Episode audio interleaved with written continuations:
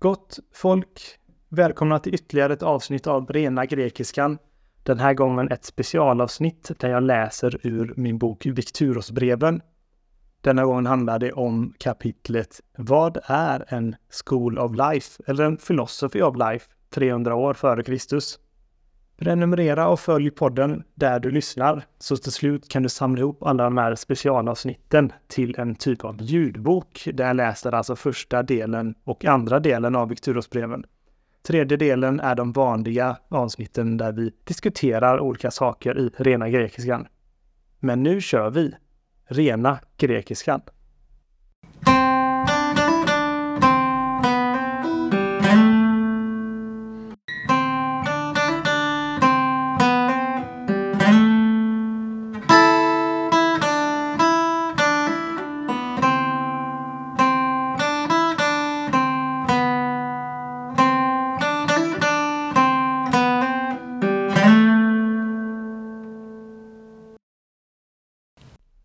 Vad var School of Life, eller Philosophy of Life, runt 300 år före Kristus? De flesta av oss har troligtvis hört namnet på några antika grekiska filosofer, såsom Sokrates, Platon eller Aristoteles. Vad vi förenklat fått lära oss om deras bedrifter är om Sokrates som en sorts urfilosof, Platons politiska tankar och skeptiska inställning till demokrati samt Aristoteles vetenskapliga metoder. Med Sokrates ändrades filosofin och kanske därför anses han vara lite av en urfilosof. Filosofin gick från att vara starkt riktad mot naturvetenskap och logik till att riktas mer mot människans psyke, tankarna i sig och mentalt välmående. Skiftet var så betydande att man ofta delar in filosoferna i två olika grupper. Det som verkade innan Sokrates och det som verkade efter Sokrates. En tradition bland filosofer var att man förde vidare sin kunskap till yngre nyfikna. Platon studerade hos Sokrates. Platon var i sin tur lärare åt Aristoteles under en tid. Aristoteles i sin tur undervisade Alexander den store, en historisk figur som återkommer i anekdoter längre fram. Några av Sokrates samtida och efterföljande filosofer fokuserade på hur man lever ett gott och lyckligt liv. De både förde vidare vad de redan visste och fortsatte forska på vad som gjorde folk lyckliga. De elever som lärde sig av dessa filosofer hur man lever ett gott och lyckligt liv säger man gick i School of Life eller lärde sig en Philosophy of Life. Inte att blanda ihop med vad som kallas för livets hårda skola. Antingen startade filosofen en fysisk skola eller som ofta var fallet, att de predikade sin livsfilosofi öppet på allmän plats. Var man välbeställd i Aten var det fint att kunna ta sig tid att läsa filosofi efter att vanlig skolgång var avklarad. Hade man turen att inte direkt behöva jobba för sitt levebröd kunde man alltså studera hos en livsfilosof om vad som gjorde livet gott. Idag lär vi oss precis som grekerna praktiska saker som gör oss redo för dagens samhälle. Men när det kommer till vad som gör ett liv gott lämnas vi ensamma. Slarvigt och oansvarigt att inte alls bry sig om förutsättningarna för individers välmående och ett lyckligt liv. Men det kallas för något så fint att det inte ifrågasätts något nämnvärt. Frihet att välja. Denna frihet är betingad att man spenderar större delen av sin tid på ett jobb. Jobb står högre än frihet. Det tar vi för givet idag. Men i antiken var det slavar som jobbade. Det som jobbade kallades inte fria. Under antiken fanns många konkurrerande livsfilosofier i Grekland. Det som bevaras bäst och som denna bok valt att fokusera på är stoicismen, epikurianismen och cynismen. De framstående grekiska profilerna och grundarna till de respektive är Zeno av Situm, som startade stoicismen, Epikuros med sin epikurianism och Diogenes av Sinop, som hade sin cynism. Skolorna var muntliga traditioner där diskussioner med lärare och visa personer var i centrum för att förstå saker teoretiskt. Detta är troligtvis anledningen till att de originaltexter som finns kvar från den tiden uppfattas som taffligt skrivna. De var aldrig meningen att läsas. Det var ofta anteckningar för att hålla ett föredrag eller minnas vad som sades vid ett sådant. Det kunde vara dagboksanteckningar eller brev som alltså inte var ämnade för en större massa att läsa.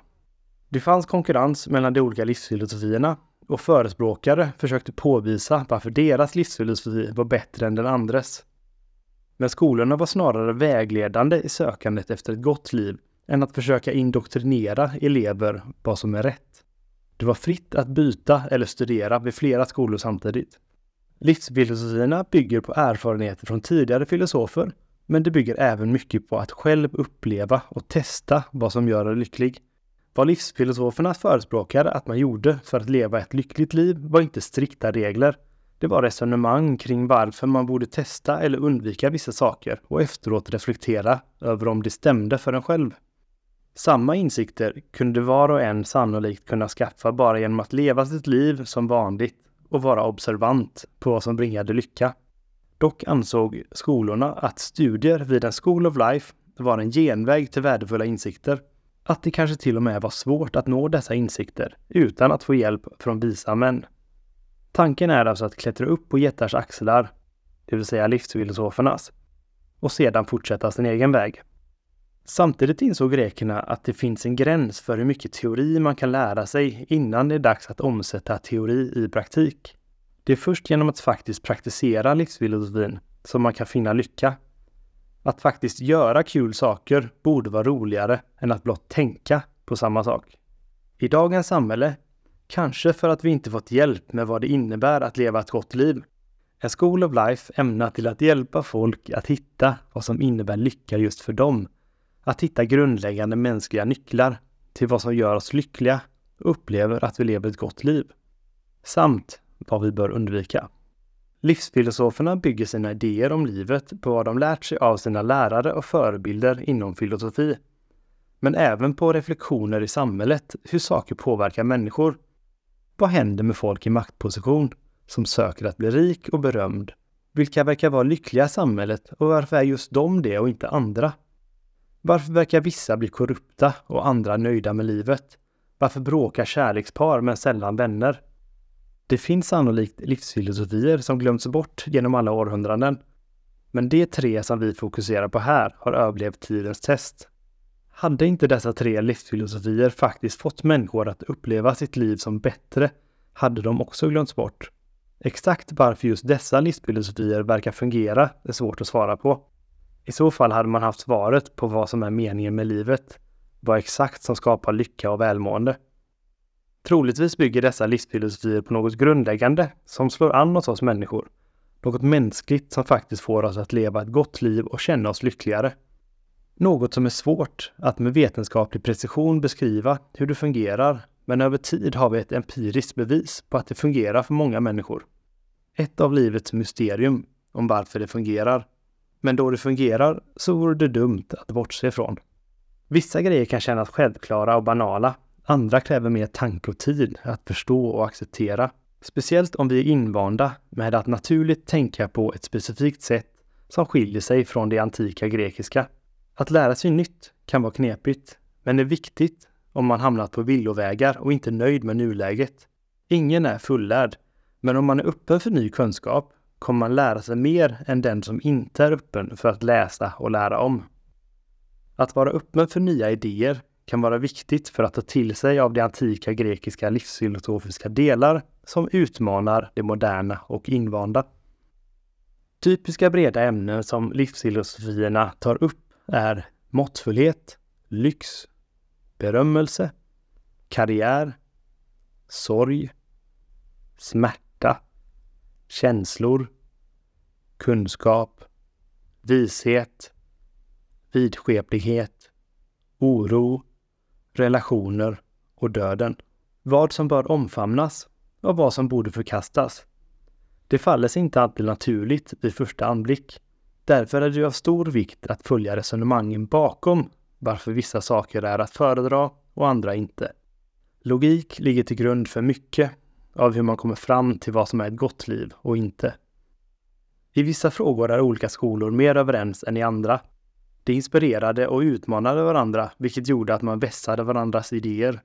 Som exempel anklagades Zeno av Cytum, som startade stoicismen, för att ha blandat från olika skolor när han startade den stoiska skolan. Han ansågs ha inspirerats av cynismens minimalism, Megarians skol vad gäller logik och även har läst och inspirerats av Platons skola, The Academy. Något liknande kan alla göra.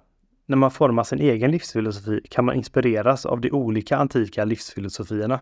välja och vraka på smörgåsbordet av idéer och forma sin egen livsfilosofi som man tror leder till ett gott och lyckligt liv efter deras egna förutsättningar och drömmar. Att svara på frågan vad en School of Life eller en Philosophy of Life är skulle kunna göras kortare. Men omständigheterna var annorlunda i samhället på den tiden och en inramning kan vara relevant. Men en School of Life är alltså ett ställe där en livsfilosof hjälper folk att bena ut vad livet handlar om. Vad som leder till ett gott liv. Vad det innebär att vara en god människa och vilka grundstenar det finns för att vara lycklig. Resonemang kring de större frågorna görs muntligt i mindre grupper. Att diskutera ansågs det bästa sättet att lära sig på och då var det så man gjorde. För att trycka på det talade ordets kraft och tradition så ansågs retorik vara en långt viktigare kunskap på den tiden än idag. Utan att varje medborgare kunde föra sin talan via retorik ansågs det inte att en demokrati skulle kunna fungera. Stoikerna höll till i grekiska stoa, en sorts handelsplats eller torg öppet för allmänheten. Epikurier höll från början till i en trädgård som Epikuros ägde, The Garden, som låg utanför staden där man kunde komma undan den korrumperande omgivningen. Senare ordnades kollektivboenden där epikurier levde med vänner och diskuterade samt lärde sig av Epikuros livsfilosofi. När kristendomen tog över epikuriers kollektiv gjordes många om till kristna kollektivboenden, nämligen kloster. Cynikerna höll till där det föll dem in, ofta mitt i staden där det fanns skydd från regn om natten och där det publikt kunde lära folket vad de gjorde fel, peka på korrupta beteenden i realtid eller predika generella livsfilosofier öppet för de som ville lyssna.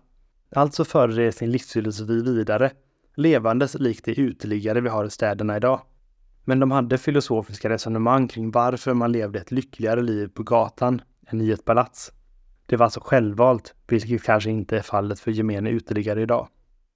På många sätt är meningen med livet en klassisk filosofisk fråga som aldrig fått eller kommer få ett svar. Kanske för att det inte finns ett svar. Man har genom historien med varierande intensitet funderat på vad svaret kan vara, men ingen har lyckats hitta ett bevis än. Men kanske är det då vid det här laget i sig ett empiriskt bevis på att det inte finns någon mening med livet. Om detta tvistar dock de lärda. Att hitta en mening till varför vi människor finns till, vad vi bidrar med till i kosmos. Hade jorden gått under utan oss? Om det nu inte finns någon mening med livet, eller att vi är praktiskt lagda och måste leva med att vi ännu inte vet, då kan vi ändå tänka oss vad som ger mening för oss själva som individer. Vet du som lyssnare vad som gör just dig lycklig och ger mening i ditt liv? Eller skulle det vara skönt med vägledning? En hint? En school of life?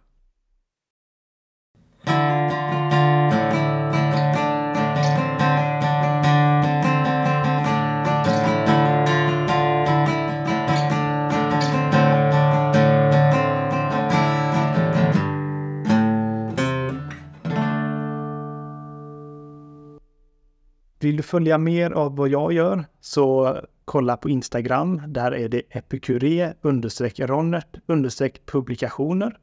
Eller mejla mig om vad som helst på epikureronert.gmail.com. Där kollar jag högst sporadiskt så väntar inga snabba svar. Men vi hörs i nästa avsnitt av Rena Grekiskan. Ha det gött.